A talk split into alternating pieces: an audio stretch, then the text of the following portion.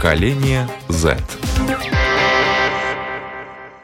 Здравствуйте, с вами Марина Талапина, режиссер программы Даниэль Йофф и звукооператор Рейнис Будзе. И, наконец, к нам уже начали приходить гости в прямой эфир. Мы их можем лицезреть и даже потрогать. И сегодня у нас фотограф, видеограф. У этого человека, так же, как и у программы «Поколение Z», есть свой э, блог на YouTube-канале. Итак, у нас сегодня в гостях Влада Антонова. Здравствуйте. Здравствуйте всем. И программу мы решили назвать «Я без камеры никуда».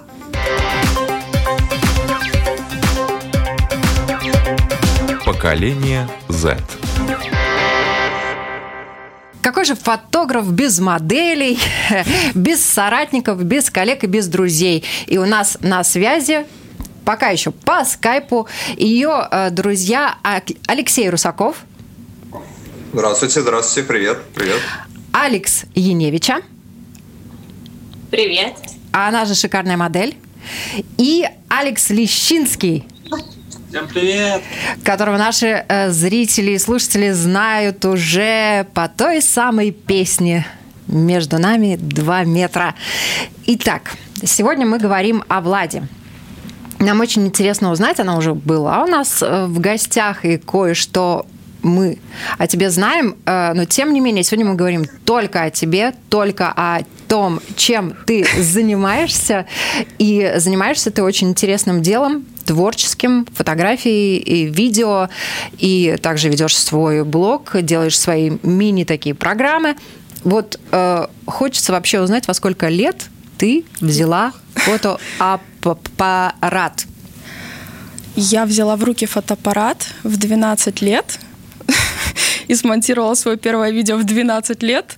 И тогда это было не так просто, как сейчас, когда можно в каждом приложении это сделать за две минуты. Тогда это было целое дело. Вот. И мне понравился результат. И просто все время шло, шло, шло. Я снимала в школе, мучила своих одноклассников камерой, вылечила, по-моему, их от всех боязней. Теперь у них нет с этим проблем никогда, по-моему, не будет. И потом э, просто уже начала заканчиваться школа потихоньку. И мама мне сама предложила, может быть, на видеооператора пойдешь. И все. И потом начала знакомиться с людьми, которые у нас учатся на видеооператоров. Мне устроили, устраивали экскурсию, и я влюбилась в видеосъемку, потом уже и фотосъемку и так далее. И так, и, и, так, и так ты во все это погрузилась, и выныривать из этого не собираешься. А вот, кстати, вообще у меня такое впечатление, что у нынешнего поколения Z, коему вы все относитесь, э, страха перед камерой как таковой нет. Вот, ребята, подтвердите или опровергните, пожалуйста, мою гипотезу. Это а... зависит э, от человеческих качеств, да. Действительно, большинство людей, ну, не боятся, если эта работа хорошая, к примеру, если ты знаешь, уверен э, в человеке, который снимает, ты никак не будешь бояться. А если, к примеру, бывает такое, ну, на пьянках кто у нас не попадал на фото, вот там вот проблемы начинаются, потом ты боишься. Про -про проблемы начинаются потом, да? Конечно. Да. Вообще я слышал такое, что пьяные люди зачастую, ну, которые немножко выпили, они чувствуют себя увереннее, они увереннее позируют, и часто они даже лучше получаются в кадре, чем когда они трезвые, потому что они ну, более зажаты и не уверены в себе. Ты такой выпил, звучит классная музыка в клубе, и ты такой, типа, я классный, и лучше позируешь просто. Ага. Это да, но если это не снимает э, друг. Ну, если это снимает друг, то да. Ну, и все зависит от того, сколько ты перед этим принял на грудь. Да. А мне кажется, что нас на самом-то деле зависит от того, кто по ту сторону камеры стоит, потому что от этого очень много зависит. И не перед всеми можно прям так раскрепоститься и почувствовать себя собой. Поэтому мне кажется, что важно, кто, кто тебя снимает, кто тебя фотографирует. Да, полностью соглашусь с этим утверждением.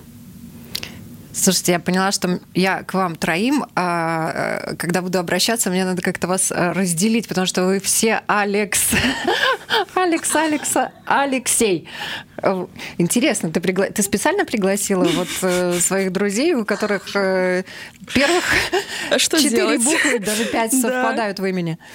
Ну, значит, все талантливые люди у нас Или, на ты, Алекс или ты дружишь только с, с Алекс, Сеями, Алексами? Ну, наверное, так сложилась жизнь. Вот так вот. А кто-то в семье увлекался фотографией? Никто никогда фотографией не увлекался, но вот у меня мама связана с э, творчеством, она заканчивала художественный институт. Вот, наверное, что-то от этого. Я просто с детства, она рассказывает мне уже, что я пять часов в день сидела без остановки рисовала. Вот, были уже задатки, то есть я и в детстве танцевала, и рисовала, ходила вот на разные кружки творческие всегда, вот, и, видимо, оттуда ноги растут, как говорится. А было что-то? Тебе эту камеру первую подарили, а она случайно в руки попала, ты Не, ее украла нас- где-нибудь? Э, Не, в- знаете, как в любой семье, наверное, есть камера. Ну, какой-то фотоаппарат, какой-то мыльница, Мыльница, да. да, чтобы чисто там для всяких домашних посиделок, праздников и так далее. Вот такая вот камера мне попалась в первый раз. Я была очень довольна ей. На тот момент была счастлива этой камерой. Вот. Потом поняла, что нужна камера потяжелее, посложнее. Вот. И уже... Нет, э, никогда мне никто не дарил камеры, к сожалению. Вот. Всегда Ты надо было накопить и купить. Накопить и, и купить, и это такой важный момент, потому что хорошая камера Да. стоит недешево, а вот все- это стоит. Все Я, я каждый раз, когда покупаю новую камеру, я каждый раз шучу, я могла купить машину. Объектив, да, все эти подсветки и так далее, Да. вспышки. Ох-охо. А у тебя есть студия своя? Студия своей нету. Или это в будущем? Да, это обязательно в будущем, но сейчас вот э, я больше такой, как стрит-фотограф, уличный, да, когда, особенно когда это связано с неоновыми фотографиями, то это практически априори является улица, цвет города, вывески и так далее.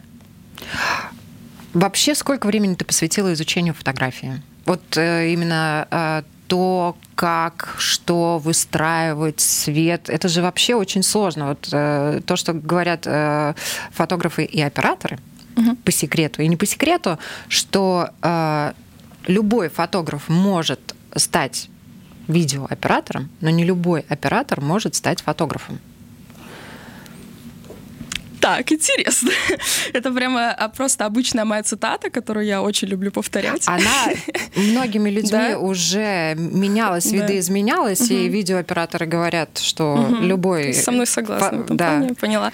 Э, Да, действительно так, потому что видеосъемка гораздо более детальная, гораздо сложнее, более сложнее, чем фото, просто потому что есть понятие движения, чего нету в фото. Но фото как раз динамику движения в одном кадре гораздо сложнее передать, нежели чем э, движение в видео, оно само по себе, движение всегда его легче. Там все, все Не, движется, имеется в виду не движется. движение в кадре, а движение камеры. И из-за вот этого вот движения камеры куча всяких приспособлений. Штативы, это видеоштатив, не фото, который стоит мало.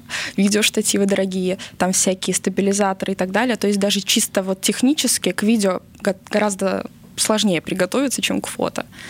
Ну, может быть, дороже, но если у тебя есть все эти приспособления, снимать э, технически, мы не говорим про техническую сторону, мы говорим именно про э, э, то художественное наполнение, которое в итоге э, фотограф и оператор отображает в кадре. Да, вот мы смотрим на одну фотографию, ребят, наверное, со мной согласятся, и все, и мы в нее окунулись, и мы в ней забылись, и мы можем смотреть на нее, и можем повесить себя на стене, и каждый раз, проходя мимо или са- садясь в кресло, любоваться ею, она всегда может нас радовать, да. Вот видео пока еще не принято э, вешать на стену, ну, может быть, в будущем это будет, да, вот. Хотя фильмы, наверное, тоже мы пересматриваем, и некоторые фильмы пересматриваем именно э, потому, как они э, классно сняты операторами. Давайте я спрошу вас, вот как вы э, определяете, вот этот человек действительно фотограф? Я могу начать, наверное. Да. Э, с Владой, на самом деле, я познакомилась на одном проекте, и э, сначала вот, ну, она такая мне показалась скромная, она там снимала, но когда я увидела результат, я прям была просто в шоке. Ну, она делала видеосъемку, да, но э, потом мне очень захотелось к ней пойти, я уже начала смотреть ее инстаграм и ее работы. Это что-то такое, что до этого я, в принципе, у нас в городе вообще не видела потому что такие сочные, такие, с таким интересным цветом и такая подача, видно абсолютно характер, и видно, что это такое, такая нестандартная работа, не как вот у всех. И мне захотелось к Владе попасть. И вот Влада меня взяла моделью, и я безумно-безумно рада. Я знаю, что мы будем сотрудничать с ней еще не один раз. И я хочу у Влады и заказать видео для моей профессии, я визажист, и в общем, Влады просто талант, я могу сказать от себя, потому что такие фотографии, она, у нее такая фишка, она еще берет такой, эм, не знаю, алмаз, мы фотографировались, правда, не в городе, а в студии, в общем, она берет такой алмаз и через него фотографирует. Для меня сначала это было полное. Я такой первый раз видела, думаю, что это такое, что сейчас будет. Но на самом деле фотки получились очень-очень-очень крутые, живые и очень-очень мне понравилось. Вот, все мои секреты рассказали. Извини, извини, ты там более детально. Это я как обыватель, я просто в трех словах. Ну, что ничего. я вижу как человек, который в этом особо не разбирается. Я думаю, что, может быть, любой фотограф может взять этот алмаз, но не у любого фотографа получится то, чем можно любоваться. Вот, так что все нормально. Один секрет мы рассекретили. Алекс, э, Алексей, э, кто еще продолжит? Как вы познакомились, конечно, интересно. Да. Давайте я продолжу, потому Давайте. что, да, я как-то смотрел в Инстаграме, листаешь ленточку, и тут вдруг э, вот Влада всплывает. Ну, и она уже снимала и моих друзей всяких, знакомых. И так получилось, то, что меня заинтересовало. Я некоторое время думал-думал, и тут приближался Новый год. Я такой решил, надо подарок знакомым тоже организовать. Э, созвонился с ней, купил подарочную карту. Подумал, а почему самому не сходить? Я же тоже хочу быть. Ты решил не дарить подарочную карту, использовать самому? Да, да. А, вот. А потом решил сам сходить где-то в феврале и был очень доволен результатом. То есть ты встречаешься с человеком, он такой легкий прям. То есть тебе, то есть она показывает, э, как тебе сесть, например, да, как бы лучше бы. То есть непринужденно. То есть иди там встань около двери, и вот будет классный кадр. А Тут легкость, тебе самому хочется играть э, в кадре с ней. То есть она тебе просто немножко направляет. Вот с этой штучкой прикольной, около вывесок всяких. Это был зимний фотосет, он вообще был великолепный. Он прям как я хотел. Это первый человек, который мне вообще угодил в этом прям. То есть до этого как-то всегда были нюансы. Был немножко недоволен собой в этом плане. А она молодец, она просто великолепна меня засмущали. Лезь под стол, пока будет говорить следующий Алекс. Да, ну вот э, вопрос был касательно того, как вы определяете, что данный человек является фотографом. Я думаю, что для меня это в первую очередь почерк. То есть, когда ты листаешь ленту, ты, к примеру, еще не увидел там э, никнейм, ты видишь фотографию, ты сразу понимаешь, кто ее сделал. Э, как человек, который в этом не разбирается профессионально, ты ну, не понимаешь, в чем конкретно проявляется этот почерк. Просто ты смотришь, э, ты воспринимаешь целостно картинку, и ты видишь, вот это, там, к примеру, это фотографировала Влада. Ты сразу это понимаешь. То есть для меня это очень важно именно в фотографе, что у него есть какой-то собственный вкус. А, говоря уже конкретно про Владу, мы тоже с ней не раз работали, и фотографии, и также и видео снимали музыкальные. Мне кажется, что, опять же, такое вот проявление профессионализма – это скорость в работе.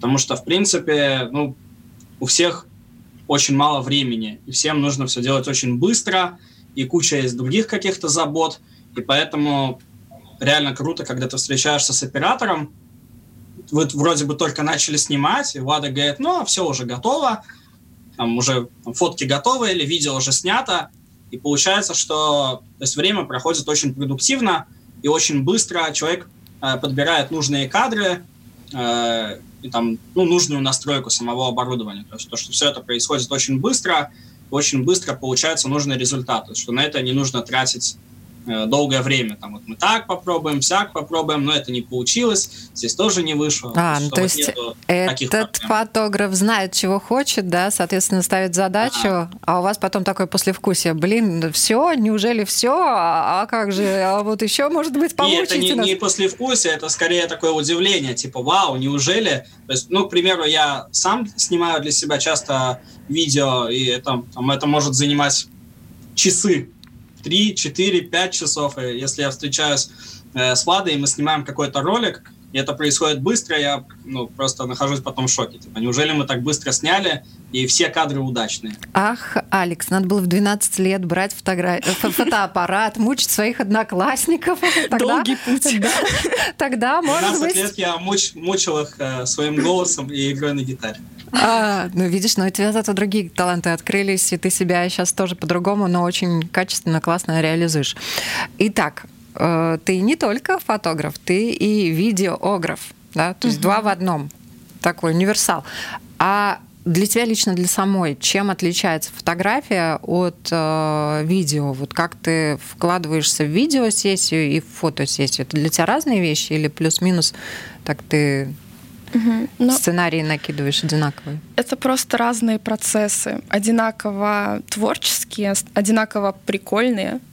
Вот. Просто видео по факту ну, сложнее и дольше занимает просто и времени, и силы, и придумки. Там уже совсем другой подход просто. А так это а ты видео похоже. тоже э, давно с детства занимаешься, или ты попозже им занялась? На вот наоборот. Я занялась видео, закончила универ на видеографа, и только после этого я уже такая, угу, так, что-то. И мне, правда, начали нравиться некоторые работы каких-то там зарубежных фотографов, и я решила, что я тоже хочу так делать. А вот. называй зарубежных фотографов, потому что, на мой взгляд, очень важно людям рассказывать то и о тех людях, на которых ты ориентируешься, кто тебе нравится.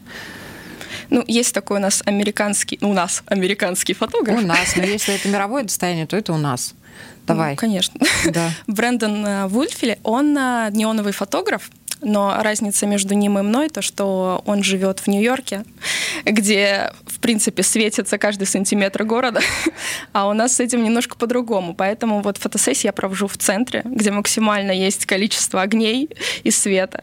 Вот. Но он меня реально вдохновил именно заняться фотографией. Причем особенной фотографии, потому что его работы не похожи на другие. И вот я тоже не захотела идти именно в какую-то обычную фотографию, семейную, свадебную. Для меня это, ну, такие есть э, очень просто сложно в них выделяться, например, да, вот свадебных фотографов прям очень крутых, можно, реально, у нас их мало, но они есть, и они реально крутые, выделяются, это они молодцы, вот, а вот для меня именно неоновая фотография, она априори особенная, она просто с другой совсем энергией вот для меня это было так. Поэтому я такая должна научиться это делать. И методом проб и ошибок я разобралась, как это делать. Вот. Фотографы не очень любят браться за эту э, вообще вид этой фотографии, потому что он дико муторный, сложный, долгий, и непонятно, как это вообще происходит.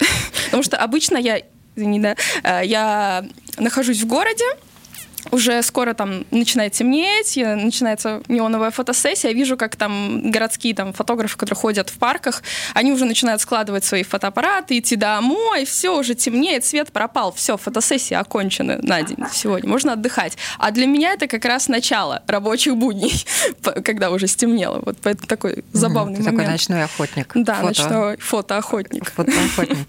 А, раз уже заговорили о неоновом фото. Конечно, нашим зрителям, которые может, э, могут нас видеть э, на Фейсбуке, на Ютубе, в Инстаграме, им э, однозначно повезло. На сайте LR4 тоже можно посмотреть это видео и с нашей программой. Там будут твои фотографии и наверняка они сейчас вот их могут видеть.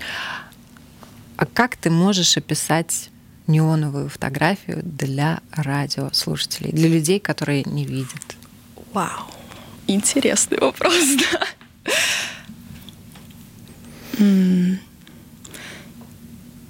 Это как, я не знаю, это как сон какой-то, какая-то другая вселенная. Закрываешь глаза и видишь какое-то вот перцание света, какая-то сказка или это какой-то взгляд в будущее, потому что это очень часто ассоциируют с киберпанком, то есть какой-то вселенной будущего. Там. Когда смотрят на, на мои фотографии, часто говорят, что это какая-то Рига 2070 год. Вот так она будет выглядеть. А вот интересно, как, как твои друзья описывают твою неоновую фотографию. Мне тоже интересно. Давайте на, на, начнем э, с малиновой Алекс. Да, насчет неоновой фотографии, наверное, я бы ее описала как из всех видов фотографий она самая живая. Даже не живая по эмоциям, а она создает как будто такой 3D за счет вот э, этих э, оттенков, цветов, за счет этого мерцания. Она вот, мне кажется, самая живая, которая вот может быть фотографией. Я говорю, что я до этого ни у кого такого не видела. И когда я увидела Влад, Влада работы, я, конечно, очень удивилась и э, меня прям зацепило, потому что действительно это ее почерк и, и э, живая. Я бы сказала одним словом, что это живая и прям вот э, 3D, 5D, 10D, которого еще, наверное, не существует. Ох, кто следующий? Давайте снова я. А для меня неоновая фотография — это немножко другой мир, как оказался, потому что я первый раз... Я вообще, когда пришел на фотосессию к Владе, я понял, что это совершенно другой уровень. То есть э, это больше как радуга после дождя. Вот такая вот вся шикарная, прикольная, разноцветная, блестящая. И мне всегда нравилась радуга, и вот для меня неоновая фотография начала ассоциироваться именно с радугой почему-то на тот момент. Потому что даже в ночное время краски совершенно по-другому видятся в городе. Это очень достойно, это очень прикольно. Алекс. Да. Неон. Ну, вот опять же, то, что Влада упоминала киберпанк, да, для меня это такая большая ассоциация, и в основном ассоциация э, каким-то кино, такие вот э, боевики из 80-х, бегущие по лезвию, и вот э, вспомнить все, то есть фильмы, где тоже вот показано это будущее, все сделано очень стильно. То есть эти фотографии неоновые, они мне напоминают такие как э, постеры к кинофильмам. К примеру, когда вот в кино показывают фильм, и там висят какие-то большие плакаты, и это выглядит очень художественно. То есть такую фотографию, э, к примеру, вот опять же, смело можно повесить там большую, распечатать, повесить у себя в рамке дома и просто ну, смотреть и наслаждаться. Или распечатать и сделать какой-то альбом из таких фотографий, потому что они все очень стильные и очень художественные. И вот этот стиль вот такой, ну, ретро-футуризм или киберпанк, кому как больше нравится называть. А у меня неон э, вызывает такие детские ассоциации. В нашем детстве было мало неоновых вывесок. Но вот когда ты их видела, когда там все это зажигалось, это было, конечно, интересно. Особенно, когда там что-то стробило. Ну, в фильмах тоже это используют. А неоновое видео? У тебя были какие-то попытки да. снимать? Вот тоже. Вот по мне э, неоновое видео не может такую вот отразить всю суть вот видишь фотографию. Я это, да, вот не он для меня, фотографии. правда, исключительно вот как-то фотографии. Ну, может быть, пока. Может быть, пока, да. Я еще буду снимать видео. Я готовлю. Помимо всего прочего, ты еще преподаешь школьникам да. и видео, и фото, угу. съемку, монтаж и так далее. А как ты начала преподавать? Кто тебя пригласил и что? Э, чем радуют тебя твои ученики? А, так, пять лет назад а, меня пригласили участвовать, пройти курс ведущих неформального образования. Вот так это красиво звучало. Я решила, что я должна идти, потому что вот на тот период, за 12 лет до этого, я была сама в том же самом детском лагере э, ребенком. вот. И спустя 12 лет я пришла, чтобы теперь сама всех отправлять спать, отбой кричать, все по комнатам и так далее. Вот, да. Но потом, а, на самом деле, первый год я просто была ведущим, как все ведущие, а потом, а, видимо, ну, директора программ решили, что мои способности и навыки надо как-то использовать с детьми. Поэтому пошли лагеря тематические по поводу YouTube-студия, фото-студия, видео-студия. И пошло-поехало, и все, и так и понеслась. Теперь подростки умеют фотографировать где-то лучше. Но они тебя радуют, вот, или ты уже понимаешь, что ты себе э, конкурентов вырастил? Они меня радуют, да. Бывает такое, что некоторых вообще это зацепляет настолько, что после лагеря, спустя месяцы, мне присылают свои фотографии, видео, сценарии. Вот, Влада, посмотри, вот, Влад, почитай, я хочу вот это снять. Что не можешь не радовать. То есть у меня получилось настолько зажечь интерес у детей, что вот они успокоиться не, не могут, и все. Возможно, свяжут даже свою судьбу с этим. Кто знает, я в 12 лет сама это все Ну вот начала. мне кажется, э, вообще согласна, не согласна, навык фотографирования это сегодня такой даже, наверное, необходимый навык. Вопрос просто, а, кто э, на каком уровне фотографирует, но ну, фотографируют, в принципе, все, да? Вот. И как часто вы в руки берете фотокамеру? Ну, или камеру телефона. Телефон как фотокамеру. Ну, например, мне э, приходится работать с этим почти ежедневно, то есть с телефоном, потому что я, если что, отчасти занимаюсь мыловарением, и мне приходится каждый день ну, выкладывать что-то новое в свою ленту в Инстаграме, ну, чтобы это было на виду, чтобы клиент мог ознакомиться. И но это сегодня необходимый вот. навык, это лишнее это подтверждение очень, тому, да? Да, Я думаю, это что... очень необходимый навык. Али... А, потому что, да. А, Алекс, как визажист, тоже, да? Я хотела сказать, что на самом деле сейчас э, в современном мире, если ты хочешь продвигаться, если ты хочешь быть успешным, э, очень много завязано именно на фотографии в плане того, что вот я как визажист, мне надо продать, я продаю портфолио, да, то есть я каждый день фотографирую и выставляю свои работы, чтобы ну, люди, которые потенциально хотят ко мне прийти, они видели, что я делаю, как я это делаю. Как бы. Без этого никуда. Я думаю, что Алекс Лещинский с нами тоже согласится. Не может не согласиться. А. Я вижу согласие в его глазах. Ну, в первую очередь я уже сам снимаю разные музыкальные каверы в YouTube уже 12 лет делаю их, поэтому да, для меня всегда важно, чтобы зритель мог также видеть красивую картинку, когда он смотрит кавер. Но и с другой точки зрения, э, с другой стороны, в наши дни очень важно уметь хорошо фотографироваться, хотя бы немножко все понимать, э, особенно для парней. Если ты гуляешь с девушкой, если ты ее некрасиво сфотографировал, то это очень плохо. Это поражение, это, это да, ты можешь, сра- ты, ты можешь сразу сбегать тогда с свидания. Это, кстати, реально очень такая мотивация для парней э, уметь фотографировать вот только для того, чтобы вот уметь э, охмурить девушку. Завоевать. Завоевать, да. Для подростков это тоже весомо. хороший фотоаппарат. Ага. Или, или, или чтобы не было потом конфликтов, ты меня сфотографировал не так, все, я обиделась. Да. Но вы для этого э, сами обучались дополнительно? Или так по чуть-чуть? У того, у всего кто-то что-то подсказал? У меня, например, было... Я не, не учился, например, на просто фотосъемку, но, например, э, у меня все детство прошло с фотографией. То есть моя сестра изначально фотографировала, была маленькая мыльница. И поэтому ракурс более-менее, и знать, что и как человек должен в кадре стоять, то есть нельзя ноги отрывать, то есть есть какие-то рамки, например, ну, то да. они, база отложилась и вот по сей день. И, то есть это прикольно, круто, я считаю. Ну да, вот такие базовые знания, наверное, Влада согласится, должны быть у всех, да? Где ты сама сейчас черпаешь знания, чтобы быть в теме, чтобы пробовать что-то новое в своей профессии? Ну, мне кажется, вот э, просто это приходит с опытом, тебя начинает формироваться твой стиль, твой вкус, ты делаешь просто вроде как то же самое, но потом ты смотришь на свои старые какие-то работы, которые были полгода назад, год назад, и ты уже понимаешь, что ты сейчас намного круче стал.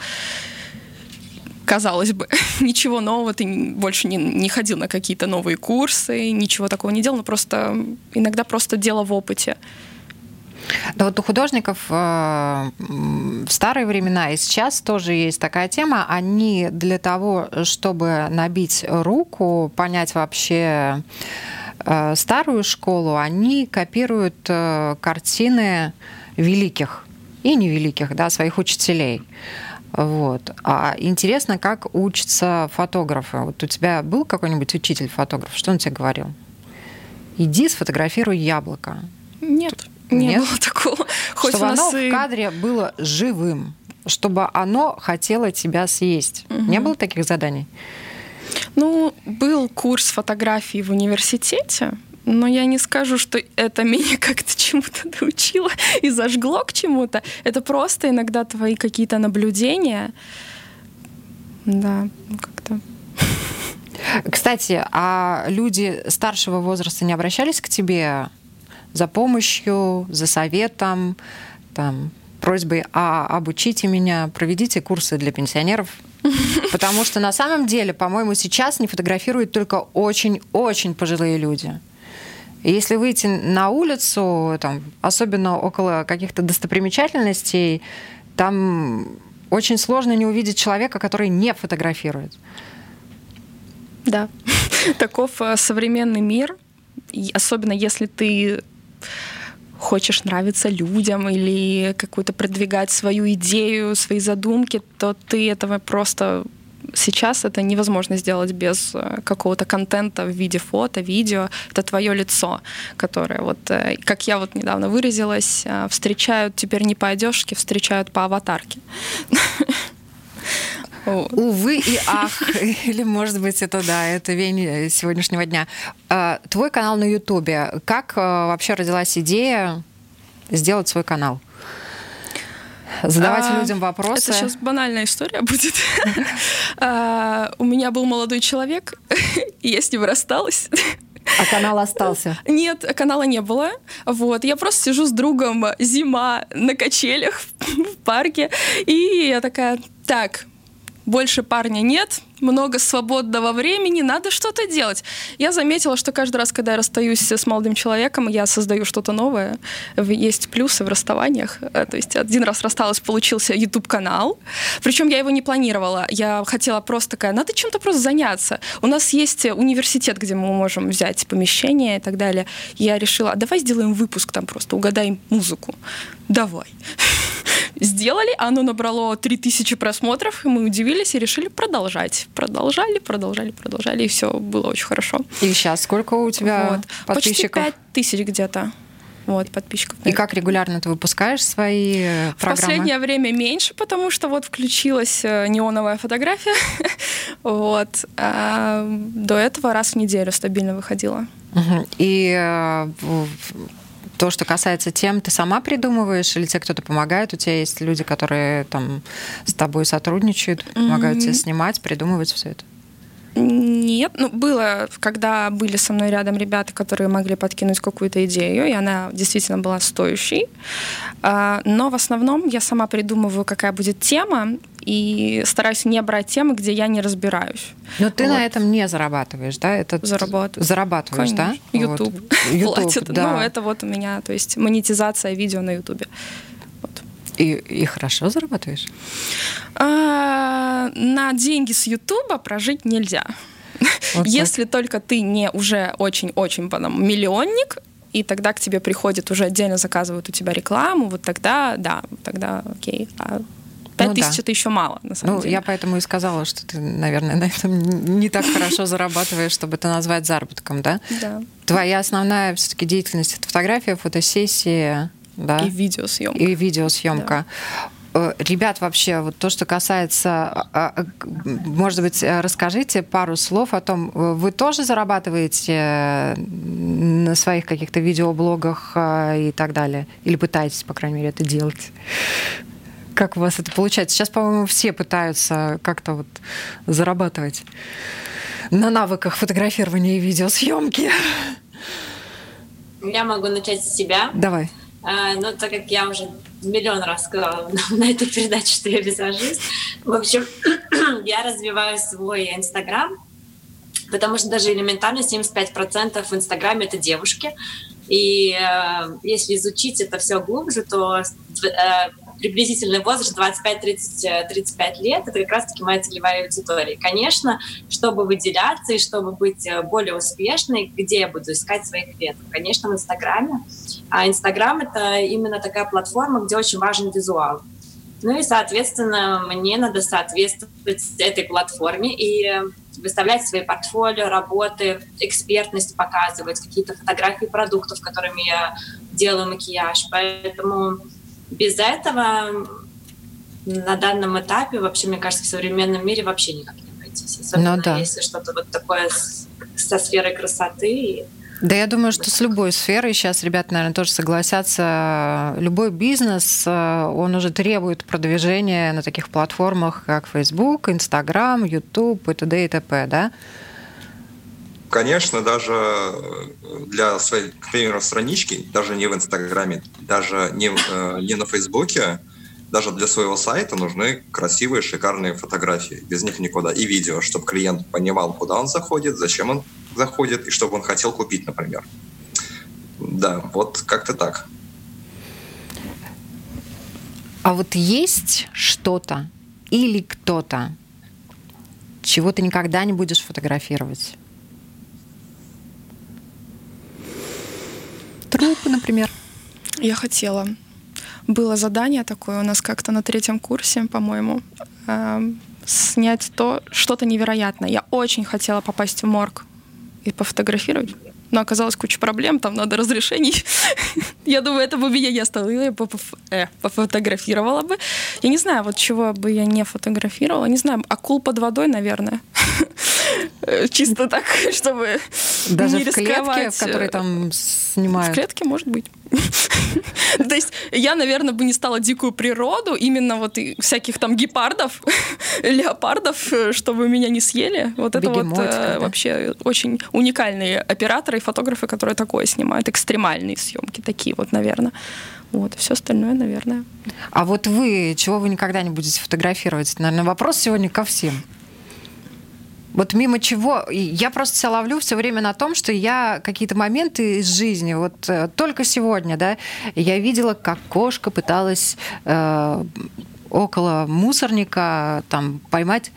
Бы вы думали, не птичку, а крысу. Вот, и такая, о, где мой телефон? Но все, все сбежали, слишком далеко было. Понятно было, что я не добегу. Потом э, на, на нашей Домской площади вот э, подхожу к радио, идет, кто бы вы думали, кардинал Пуец. И я такая, о, может достать телефон, может сфотографировать. Он так хорошо, красиво шел в таком своем лаконичном одеянии. Вот когда вам хочется достать видеокамеру или фотокамеру, а когда вы ее точно доставать не будете? Мне кажется, ну, по крайней мере, у меня это вот я абсолютно не понимаю, когда фотографируют, снимают какие-то такие несчастные случаи, когда там, не знаю, человек хочет покончить жизнь самоубийством, стоит в окне, и толпа это снимает, фотографирует. Я вообще абсолютно этого не понимаю. И потом выставляют это в интернет это для меня просто дикость и э, абсолютная нечеловечность. И, наверное, какие-то такие моменты для меня это прям табу. И, э, ну, это первое, что пришло, по крайней мере, в голову. Вот. Слава богу, в тебе есть внутренняя этика и цензура. Алекс. Ой, я? Лещинский. А, ну, мы вот в начале передачи говорили там про тусовки, про алкоголь. Вот сильно пьяных людей я тоже не стал бы фотографировать. И вот эти фотографии, где там у всех какие-то косые глаза, и все уже какие-то там красные, вот такие, вот это точно то, что мне не нравится, чего я делать не стал бы. И тоже э, то, что касается каких-то несчастных случаев, или когда э, происходят какие-то происшествия на улице, там, например, у кого-то какие-то проблемы, может началась какая-то драка, тоже такое любят снимать, вместо того, чтобы ну, подойти и попытаться помочь, что гораздо важнее в эту секунду, чем э, снять видео, там, которое может завируситься. А так, я тот человек, который снимает все. Я никогда не могу поесть перед этим, не сфотографировав еду. Я не начну пить кофе, чтобы не испортить пенку, пока я не сфотографирую кружку и так далее. Я вот э, прибрать стол надо обязательно, чтобы все стояло красиво. Если это кафе, то нужно красиво как-то поставить там соль, перец, но перед едой обязательно нужно сфоткать еду. И так с любой мелочью. Ох, ну и Алексей. Я соглашусь с ребятами по поводу вот предыдущих э, высказываний их, потому что действительно, когда происходит беда, авария какая-нибудь, большинство людей выкладывают зачем-то, снимает видео, фотографируют, выкладывают это на Facebook тот же самый, и потом пишут э, какие-то интересные посты, ты просто на самом деле задаешься вопросом, зачем, потому что это по сути не помогает никому отчасти, потому что это уже за рамки выходят. Есть, конечно, исключения, как э, снимать, когда чуть-то машину воруют, чтобы потом, ну, как бы убедитесь, кто воровал. Но это тоже не вариант, как вы понимаете. Вот, я соглашусь, да, с ребятами. Ну, о, вот эти видео, для некоторых они могут быть поучительны, например, если какая-то авария, чтобы люди как бы включали свою голову и понимали, что не надо там гоняться на ско... гонять на скорости, что надо за рулем быть внимательными. Может быть, все зависит от того, в какой фотоформе все это подано, с каким посылом. Ну, не могу согласиться с этим. Ну, никак. Но на самом деле, я думаю, что для фотоманьяков каких-нибудь мы сейчас тоже подкинули несколько идей для фотосерий. А, вот. Но не будем повторять эти идеи. Хочется узнать, у тебя была или ты, может быть, участвовала в какой-то фотовыставке своих работ? Тоже Нет, все еще впереди. Это вот одна из таких мечт, скорее. Вот очень хочется вообще узнать, как это все происходит. Потому что, да, я вижу, что некоторые рижские фотографы устраивают какие-то галереи, выставки и так далее. Вот тоже хочется такое попробовать очень. Ну, ты еще молодая, у тебя все впереди. Надеюсь, да, сделаю. А, а есть твои любимые фотографии? Вот твоя Любимая фотография? Это как спросить у родителей, какой любимый ребенок. Ну, которые ты э, печатаешь, и которые у тебя стоят в рамочке, может быть. Это же не все. Ты, я думаю, что у тебя там огромное количество есть. фотографий. Ну, есть такие, да, которые мне особенно нравятся. Конечно, есть, да. А у вас есть любимые фотографии Влады, которые вам особенно нравятся? Конечно, есть, я вижу по глазам. Да, есть. К примеру, а свои... что касается выставок. У, Влады, у Влады э, вот совсем недавно был марафон 12-часовой, где она снимала вот на разную тематику фотографии с разными моделями. И вот там вот она сняла самый вот то, что у меня на аватарке сейчас поставлено, а самую классную, классную фотографию. Вот как бы. а с марафоном можно ознакомиться, кстати, в ее инстаграме прошедшем. То есть тематика на еду был, трамвай, э, спорт э, и вот многие-многие э, 12 тематик, с которыми классно было работать. Давай, Алекс. Хотела сказать, что, кстати, у меня тоже э, фотография, которая у меня в Инстаграме главная на аватарке, это тоже Влад, Влад фотография. Так что мои любимые фотографии это там, где я. Э, и я еще, конечно, хотела сказать, на самом деле, какая Влада молодец, и какая у нее есть очень крутая рубрика. Я так вот э, тоже слежу за разными фотографами, и ни у кого такой идеи прям не наблюдала. У, у, у Влады есть рубрика «Внезапный фотограф», я думаю, что Влада, наверное, поподробнее про нее сама расскажет. Э, это будет более правильно. Вот, так что, Влада, рассказывай. Давай, рассказывай, уже все попросили. Э, хорошо. А, да, вот совсем недавно случайно я придумала рубрику «Внезапный фотограф». Это те моменты, когда вот я оказываюсь в городе со своей камерой, и выставляю в Инстаграм сторис, что вот, ребята, у вас есть 30 минут, чтобы дойти до меня, и вы получите от меня в подарок фотографию. Ох, круто. То Профессиональную да. фотографию художника. Да, и можете да. использовать ее как аватарку. Это, наверное, самое классное, что может быть. Это аватарка от профессионала. Буквально пару слов, что бы ты пожелала людям, которые берут э, в руки камеру в завершении нашей программы? Mm-hmm ну, наверное, так скажем. Камера, она такая вредная штука. Она любит осознанность, она любит творческий подход, креативный. Она готова с вами работать, если вы готовы с ней работать. И она будет вам помогать только в том случае, если вы сами этого хотите. Вот. Она всегда такая вредная, чувствует, если вы не готовы или не хотите, или вам лень, или не в кайф работать, то она будет вашим врагом, а надо с ней дружить. Так что дружите с вашей камерой, как э, сказал Анри Картье э, Брессон, даже если вы будете с ней дружить, ваши первые 10 тысяч фотографий все равно будут неудачные. Так что дождаться вам 10 тысяч первой фотографии, фотографируйте, потому что что э, еще э, может так помочь сохранить вашу память? Всем хорошего дня!